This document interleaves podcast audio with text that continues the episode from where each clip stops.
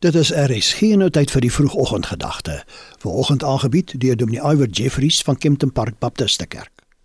Goeiemôre luisteraars. Ek het so 'n tydjie gelede op die internet gekyk watter vrae word die meeste gevra. Hier is die top 5 vrae wat ek op Google kon kry. Wat is my IP? staan vir internet protokol. Hoe laat is dit? Hoe om 'n das te vou? Hoe om gewig te verloor? Wanneer is Moedersdag? En soos jy kan sien, God is nie in die top 5 van mense se vrae nie. Romeine 3 vers 11 sê daar's niemand wat God soek nie.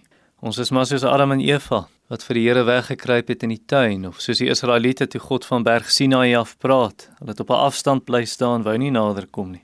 Selfs Christene voel ongemaklik by 'n heilige persoon, iemand wat regtig toegewyd is.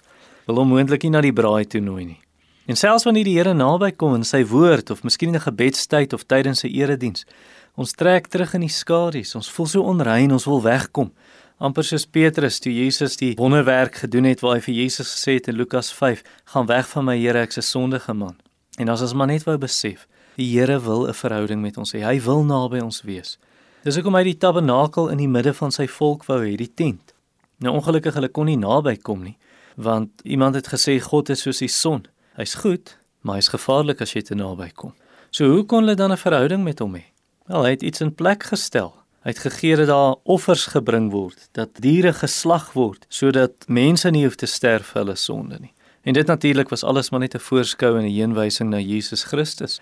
Jesus is die lam van God wat die sonde van die wêreld wegneem. Jesus is die tabernakel of die tent wat in ons midde kom woon, Johannes 1 vers 14. En deur geloof in hierdie Christus kan ons die Vader ken. Johannes 1:18 lees: Niemand het God nog ooit gesien nie die unieke seun, self God wat in die bors van die Vader is, hy het hom bekend kom maak. En as eers as jy in hierdie verhouding staan met God deur sy seun Jesus dat die res van jou lewe in plek begin val. Jou verhoudings met die mense om jou, jou gedagte lewe, jou emosies, jou gesprekke, hoe jy jou werk doen, hoe jy met jou geld werk, selfs dinge soos vermaaklikheid en ontspanning. As God in die senter van jou lewe is, dan sit soos die son in die middel van die sonnestelsel. Dit hou alles in plek. 'n Prediker by name van Morris Roberts het gesê: "Daar lê by God presies wat nodig is om elke raaisel van die lewe op te los. Paniek is net moontlik as God deur sigbare omstandighede in ons gedagtes verduister word. Geen omstandigheid in die lewe is te moeilik vir God. Die geheimenis van die lewe bestaan grootliks daarin dat ons God soveel as moontlik in ons gedagtes hou, veral in tye van vrees en nood." Dit was die vroegoggendgedagte hier op RSG, aangebied deur Dominee Iwer Jeffries van Kempton Park se Baptiste Kerk.